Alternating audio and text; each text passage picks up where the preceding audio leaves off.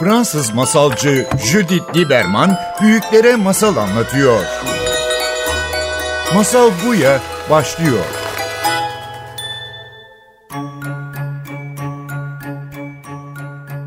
Masal Buya'ya hoş geldiniz. Bugün Nasrettin Hoca hakkında bir sohbetimiz olacak. Doçent Doktor Evrim Ölçer Özünel'le beraberiz. Evrim daha önce bizim programımıza konuk oldu. Belki onu tanıyanlar olabilir. Evrim Gazi Üniversitesi'nde Halk Bilim bölümünde e, hocalık yapıyor. Ve aynı zamanda birçok konularla ilgilenmekle beraber Nasrettin Hoca e, üzerine çok büyük bir çalışma yaptın. Evrim hoş geldin.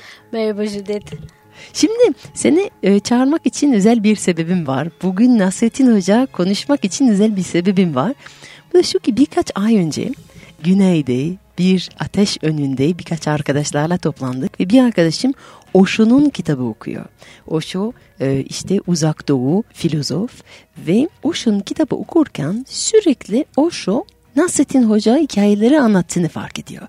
Ee, ve sinirleniyor. Bana diyor ki ne kadar ilginç.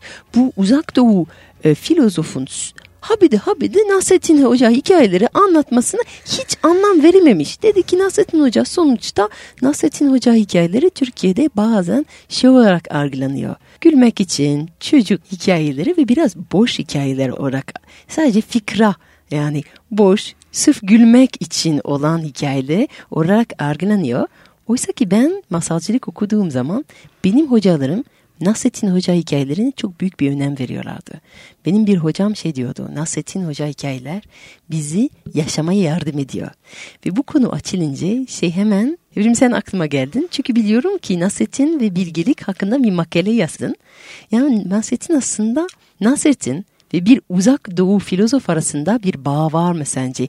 Nasrettin biraz bir zen budist hikayeleri benziyor olabilir mi? Onu bugün beraber konuşalım. O benim giriş sorum olsun istersen. Tamam Judith konuşalım ama tabii bu çok radikal bir soruyla başladın. Yani e, Nasrettin Hoca deyince aslında tam olarak sadece bir çerçevenin içinde ele alabileceğimiz birinden bahsetmiyoruz ya da bir kahramandan bahsetmiyoruz. Yaşamış bir kişiden bahsetmiyoruz. Nasrettin Hoca biz en son 2013'te UNESCO ile yaptığımız bir toplantıda 42 ülkede Nasrettin Hoca anlatılarını tespit etmiştik. Arap dünyasında çok yaygın Cuha olarak biliniyor. Epende olarak, Molla Nasrettin olarak, yani Nasrettin, Nasrettin olarak biliniyor ve Türk dünyasında da çok bilinen bir figür Nasrettin Hoca. O 44 ülkelerde herhalde hepsinde Nasrettin adı ile geçmiyor değil mi? Nasrettin adı olarak geçmiyor fakat fıkralardaki benzerlikler, e, yaşam öyküsünün anlatılış hikayesi hepsi aslında Nasrettin Hoca'nın böyle e, çatısız bir örgütlenmeyle bütün dünyaya yayılmış bir neşeli bir bilge olduğunu bize söylüyor. Ve az önce şey dedin hani çok da boş bir şey çocuklara anlatılan fıkralar gibi eğlence amaçlı zannedildiğini e, söyledin ama aslında Anadolu'da bu topraklarda Nasrettin Hoca 13. yüzyıldan beri gerçekten çok da ciddiye alınan bir figür. Hani yaşadı mı mezarı nerede kim? Ben yıllar evvel bir doktor öğrencisiyken bu makalenin macerası da öyle. E, Akşehir'deydi galiba. Uluslararası Diyan Nasrettin Hoca sempozyumuna katıldım. Çok böyle heyecanla hazırlandığım bir sempozyumdu. Çünkü Nasrettin Hoca'yı çocukluğumdan beri çok seviyorum. Gittim işte Akşehirliler diyor ki Nasrettin Hoca burada işte dünyanın merkezini de yaptık biz buraya çizdik. Nasrettin Hoca bizde doğdu. Ondan sonra Özbek birisi geliyor diyor ki olur mu Efendi bizim orada bizim köyde benim yan köyümde Efendi'nin mezarı var. Azerbaycan'dan gelen diyor ki olmaz benim de var. Hatta Polonya'dan gelen uzman diyor ki benim de Nasrettin hocam var. Bulgar diyor ki ben filmlerini çektim bende de Nasrettin. Araplar diyor ki Cuha'yı nasıl görmezsiniz? En erken örnek bizde Cuha'sız Nasrettin'i nasıl tanımlarsınız? Yani akademik dünyanın çok tartıştığı bir konu. Felsefeciler diyor ki Nasrettin Hoca büyük bir filozoftur. Mizahçılar diyor ki Nasrettin Hoca büyük bir mizah bilgesidir araştırılmak Bin yüzü var aslında. Bin yüzü var. Bin yüzlü bir ve karakter. Bin, bin yüz ve bin mezar bir var. Bir mezar var. Yani o yüzden hani bunun ben Nasrettin Hoca'nın bir bilinç aşaması olduğunu gerçekten düşünüyorum. Yani kolektif bilinç dışında Nasrettin Hoca bir şekilde dile geliyor. İnsanlar arasında bir görünmez neşeli bir e, ipten bir şey dokuyor ve herkes o bilinç aşamasına geldiğinde bir Nasrettin Hoca oluyor sanki. Fransa'da benim hocalarım ona bir deli bilge diyorlardı. Deli Tabii. bilgelik ya da e, deliveli Deli veli. Deli evet. veli diyebiliriz. Zaten Anadolu aydınlanma kültürüne baktığımız zaman velilikle delilik arasında bir çizgi var her zaman. Sufi dediğimiz karakter e, her zaman veli değil. Arada sırada da deli. Şimdi Nasrettin Hoca'yı da ben o makalemde de onu tartışmıştım. Tabi bu doktor öğrencisinin ilk heyecanları onlar üstünde tekrar düşünsek bin tane daha şey söyleriz elbette ama o zaman Anadolu'daki bu çileli aydınlanma dönemi hmm. var biliyorsun. Çilehaneler var. 40 günlük, bin günlük sufiler çilehanelere kapanıyorlar ve aydınlanmaya çalışıyorlar.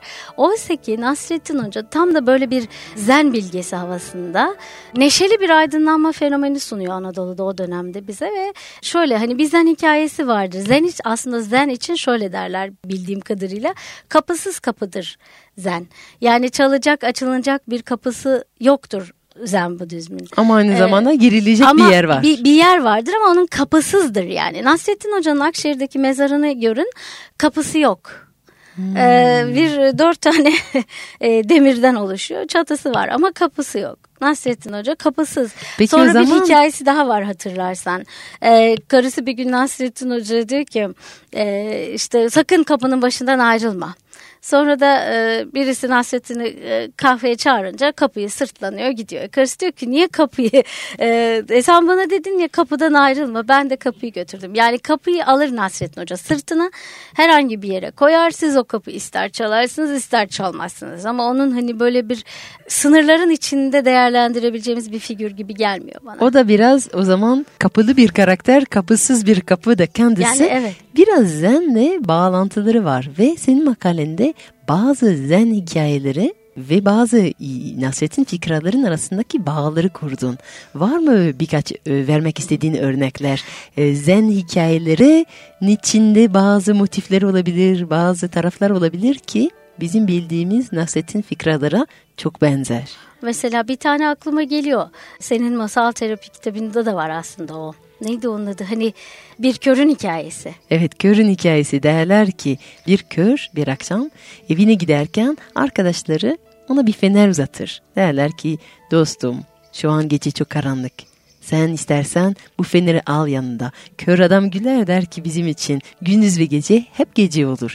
Ne fener, feneri ihtiyacım olmaz. Aa senin ihtiyacın olmayabilir. Ama görenler eğer elinde fener olmazsa seni görmezler ve sana çarpar. Kör kabul eder, alır feneri ve sokağa çıkar. Biraz sonra çak birinin çarptığını fark eder. Kardeşim görmüyor musun elimde bir fener var sen bana nasıl çarparsın der. Ve ona çarpan vatandaş der ki ama görmüyor musun senin fenerin şu an söndü. O da o hikaye ve sen buna benzer bir Nasrettin Hoca fikra mı buldun? Ya Nasret, bu, buna benzer bir sürü var. Ben e, bir pek çoğunu inceleme fırsatı buldum ama bu kör hikayesi çok ilginç. Çünkü Nasrettin Hoca bir gün kahvede otururken der ki ben karanlıkta görebilirim. Etrafındakiler de sorar hoca öyle şey mi olur? Karanlıkta görsem biz niye seni her gece elinde fenerle eve girerken görelim? Nasrettin Hoca direkt şey der. İyi de bu sadece diğerlerinin bana çarpmaması için bir önlem. Aynen öyle. Yani, Ve orada felsefe aslında çok benziyor aslında gerçekten. Orada Nasrettin Hoca körün yerini alır. Biraz evet. o kapısız şey gibi yani neşeli, aydın, deli veli der ki ben körüm, ben bilmem. Evet. Aslında her zaman bilmediğini gibi iddia eden ama bilgelikten öteye derin bir anlayış olan bir insan. Yani mesela şu anda çok popüler bu kuantum felsefesi, kuantum fiziği sosyal bilimler alanına da uygulanıyor. Ben bu zen bilgeliğiyle kuantum fiziği arasında da gerçekten çok paralellikler görüyorum. Bütün sözlü kültür ürünleri arasında görüyorum aslında kuantum bakış açısını ama Nasrettin Hoca yine mesela şöyle bir hikayesi vardır. Hani kuantum der ki bize ya bu ya bu olmayacak. Yani ya ikisi, ikisi birden olabilir. Aynı hani obje iki ayrı yerde aynı. olabilir. Newton bize der ki ya budur ya budur. Ama kuantum der ki hem budur hem budur.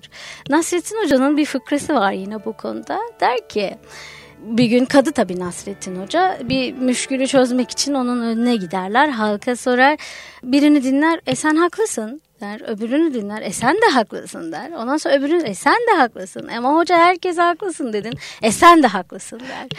Yani hani bakış açısı aslında hangi pencereden bakıyorsanız yani gözlemcinin gücüne o kadar inanır ki e, Nasrettin Hoca tam da bir hem bir zen bilgesidir hem bir kuantum bilgesidir evet, bu anlamda. Ve aynı zamanda o Nasrettin Hoca'nın uzak doğu hikayesinde var. Çünkü ben Tabii. bunu bir zen hikayesinde bir zen e, rahip öğrencilerle beraber yürür ve bir tarladan geçtiklerinde e, bir öğrenci şey görür. E, çiftçinin domatesi yiyen bir solucan ve solucanı öldürür. Öteki öğrenci hocasına şikayet eder. Hocam gördünüz mü? Rahip olma yolunda olan arkadaşımız şu an bir can almış. Bir rahip bunu yapmamalı. Değil mi? Haklı değil miyim? Haklısın der hoca. Ama öteki hoca, öğrenci der ki ama bir saniye e, hocam ben bunu çiftçinin hakkı için. Sonuçta bu çiftçiler bizi bizim için çalışıyorlar. E, bu domatesler bizim için de yetiştiriyorlar. Gündüz gece yoruluyorlar, çalışıyorlar. E, bu domatesleri korumak için e, ben de bu domates yiyorsam çiftçiye yardım etmek için onu da yapmam gerekiyor. Hoca dinler der ki doğru sen de haklısın. Üçüncü bir öğrenci der ki ama hocam hem buna haklı hem de tersini savunan kişiyi haklı. Sen de haklısın der. Aynı senin Nasrettin Hoca hikayesi gibi. Yani tek doğruluk yoktur. Tek bir doğru hiçbir zaman yok. Yani gerçekten nereden bakıyorsan Nasrettin Hoca oradan cevap veriyor. Öyle bir ayna ki sen ne görüyorsan orada olsun aslında. Ve benim için çok heyecan verici olanlardan bir tanesi de onu mutlaka söylemek isterim. Biliyorsun UNESCO aslında barışa, insanlığın kardeşliğine, kültürler arası diyaloğa çok önem veren bir kurum. Ben de UNESCO'nun somut olmayan kültürel miras ihtisas komitesi üyesiyim biliyorsun. Ve orada biz şimdi bir çok uluslu dosya platformunda Nasrettin Hoca'yı sunmak istiyoruz. Pek çok ülkeyi bir araya getirip demek Evrensel bir ki, miras olarak sunmak evet, istiyorsunuz. insanlığın somut olmayan kültürel mirası temsili listesine kaydedilsin istiyoruz Nasrettin Hoca. Ve bu çok ulusluluk, bu çok kültürlülük, çok dillilik, çok bakış açıcılık ve kültürler arası diyaloğa yatkınlık Nasrettin Hoca'ya çok uygun geliyor. Ve bunun dışında hani konuşabileceğimiz o kadar çok şey var ki Nasrettin Hoca üzerine. Evet ve Nasrettin Hoca bu çoklu bir proje sunuyorsunuz. Merak ettim acaba Helm bilgeler bu proje içinde oluyor mu? Çünkü ben e, Helm e, bilgelerin hikayelerle büyüdüm ve orada bir tane deliveli değil bir delivelin heyeti var. Hepsi birbirinden deli ve sürekli ilginç kararlar veriyorlar. Nasıl ki Nasrettin Hoca bir kadi ve ona e, vakaralar sunuluyor. O deliveli heyetine e, o Helm köyünün bilgeli kaynağı onlar karar veriyorlar. Onlar yargıç rolü alıyorlar. Ve Nasrettin Hoca'nın birebir e, aynı hikayeleri yani bu ölen kazan, bu e, Evet. doğuran kaşıklar vesaire aynı hikayeler bulunuyor. Var mı onlar e, o aynı Aa, projede? Biz şu dosyada? anda e, şey Kazakistan, Azerbaycan, Kırgızistan ve Türkiye olarak bu dosyayı Hmm. ama dosya genişlediği zaman hani pek çok ülke buna dahil olabiliyor daha sonra. Peki senin en sevdiğin Nasrettin Hoca hikayen var mı? Ah, bu Nasrettin Hoca ile ilişkim benim çok küçükten başlıyor. Bu sözlü kültür ürünlerini biliyorsun halk kültürünün en önemli özelliklerinden biri de dil becerisi kazandırmak aslında çocuklara. Ve benim e, anneannemden ilk öğrendiğim miraslardan biri Nasrettin Hoca fıkrasıydı. Ve Nasrettin Hoca hatta o zaman ses kaydetmek falan oldukça zordu Türkiye'de. E, benim bir ses kaydım var fıkra anlattığım. iki ya da iki buçuk yaşındayım. Yorgan gitti, kavga bitti diye arıyorum. Ve bunu anneannem şu anda 89 yaşında. Allah uzun ömür versin anneanneme. Anneannemden aldığım miras e, bana geçmiş ve Nasrettin Hoca benim için o yüzden o kadar önemli ki hem konuşma becerisi anlamında hem e, hayata pozitif bakma anlamında hem bilgelik olarak aldığım dersler bağlamında Nasrettin Hoca hayatımın her e, zamanında bana eşlik etmiş bir figür. O, ve o yüzden onu hani ne bir bir kaba sığdırıp anlatabilirim ne bir 15 dakikada anlatabilirim e, ne de fıkralarını arka arkaya sıralayabilirim. zaman geldikçe önümüze Nasrettin Hoca ile ilgili bir durum geldiğinde anlatıverirsiniz. İçinizden Bence de öyle olması gerekiyor değil mi? Yani Nasrettin cebinde Hoca. olacak Aynen. ve sürekli çıkacak. Evet. Nasrettin Hoca ayrıca yani Türk Nasrettin Hoca oldukça meşhur yani dünyada Çok. Fransa'da örneğin çok seviliyor. Ben şey hatırlıyorum ilk Türkiye'ye geldiğim zaman benim annem de masal anlatır ve annemin bir masalcı grubu var. Onlar buluşurlar ayda bir, e, ayda iki kere ve e, hepsi bir masal seçer ve birbirini anlatırlar bir ateşin etrafına oturup. Ben ilk Türkiye'ye geldiğim zaman 14 sene önce annem bana telefon açmıştı. Demişti ki benim masalcı buluşmam olacak. Sen yeni Türkiye'ye yerleştin. Acaba sen bana değişik bu kültüre ait bir Nasrettin Hoca hikayeyi bulur gönderir misin? Ben de arkadaşlarıma anlatırım. Çok güzel olur. Ben de aradım ama o dönem Türkçe konuşmuyordum. E bütün etrafımdaki kitaplar Türkçe. Bulamadım. Yani ona döndüm dedim ki maalesef yani şu an bütün kaynaklar Türkçe olduğu için ve ben Türkçe konuşmadığım için şu an bunları bulamam. Tamam dedi ben başka bir şey alırım o zaman. Ve o akşam gitti başka bir hikaye anlatmaya. Birkaç gün sonra beni aradı dedi ki iyi ki bulmamıştın. O akşam beş arkadaş vardı benden dışında ve beşini bir Nasrettin Hoca fikra getirmişlerdi. O yüzden o akşam bir ben farklı bir hikaye getirmiştim ve bunu anlattığım zaman bazen e, Türkiye'de arkadaşlarım şaşırıyor. O derecede meşhur mu? Evet ve ilginç olan bir bilgi olarak meşhur.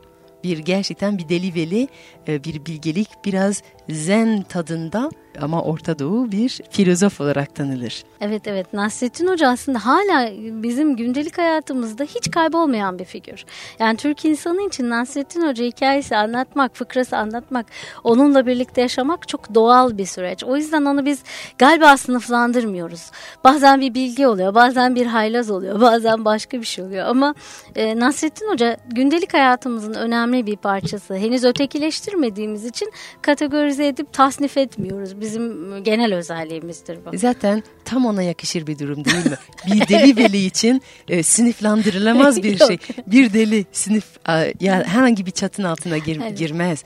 E, bütün kategorilerden Yani ge- ama- geniş olur. Tabii yapılmış çok önemli çalışmalar var Nasrettin Hoca ile ilgili akademik anlamda. Pek çok araştırmacı Nasrettin Hoca ile ilgili makaleler, kitaplar, ansiklopediler yazdı. Yani çok da çalışılan bir konu aynı zamanda Nasrettin Hoca. O zaman madem akademisyenler o kadar bu konu konuşuyorlar biz de masalcılar biraz o konudan bahsedelim. Nasıl birkaç hikayelerle istersen sana en sevdiğim birkaç Nasrettin Hoca hikayeleri anlatayım mı? Aa, ne kadar güzel Judith seni dinlemek. Evet. Zevkle dinlerim. O zaman harika. Bu sohbet için çok teşekkür ederim Evrim. Ve belki bir başka konu için yine Masal Buya'da beraber oluruz. Şüphesiz her zaman benim için büyük keyif. Teşekkür ediyorum. Çok teşekkürler.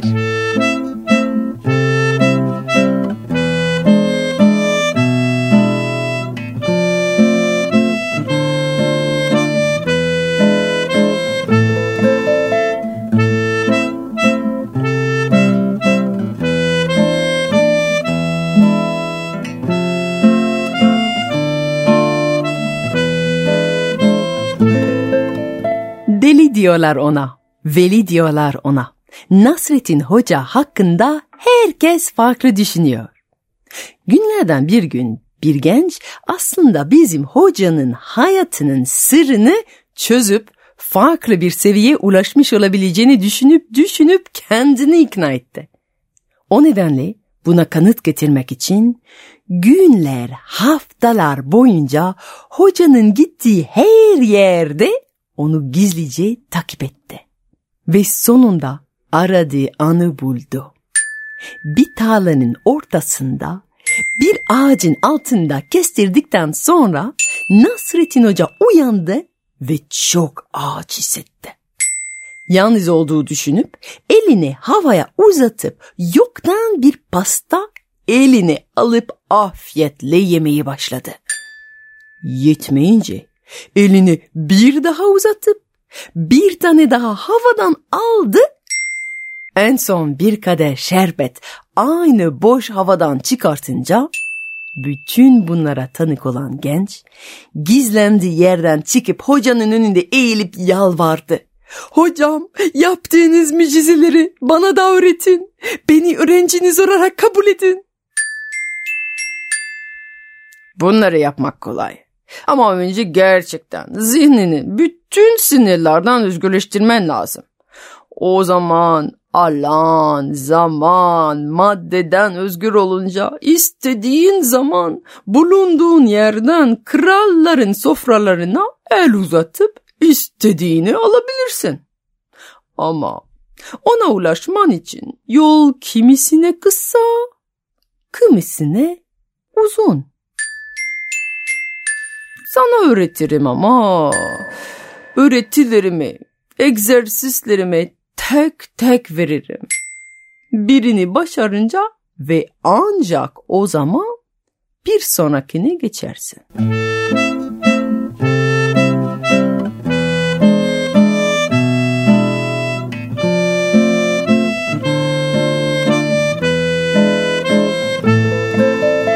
Öğrenci bütün koşulları kabul edip hemen başlamak isteyince hoca sordu.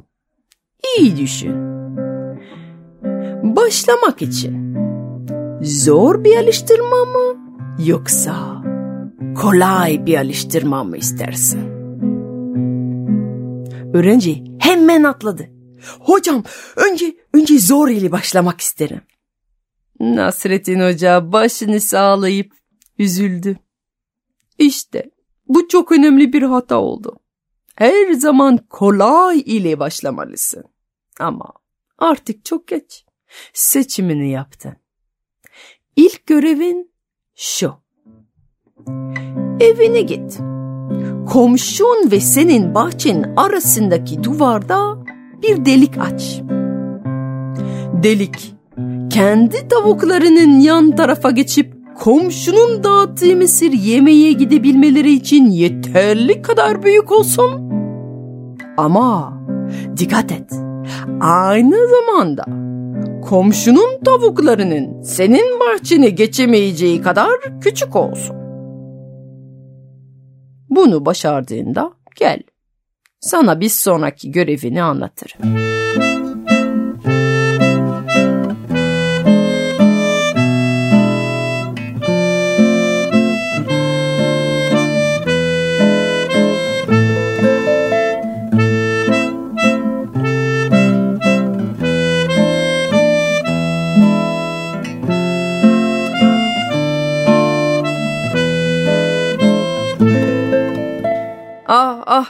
Denemedi değil ama böyle bir delik açmaya hiç başaramadığı için bir sonraki görevini öğrenemedi ve bu yolda ilerleyemedi.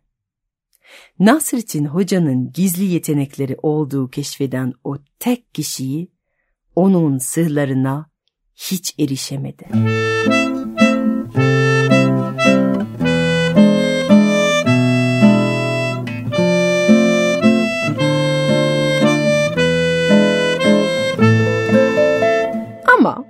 herkese Nasrettin Hoca'nın gizli güçler ve yeteneklerinden bahsetmeyi başlayınca herkes onu deli olduğuna inanmaya başladı.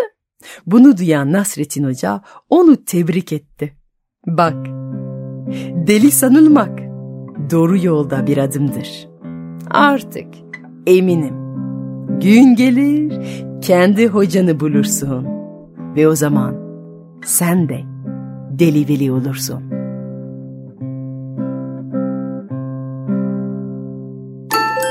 Fransız masalcı Judith Lieberman büyüklere masal anlatıyor. Masal Buya sona erdi.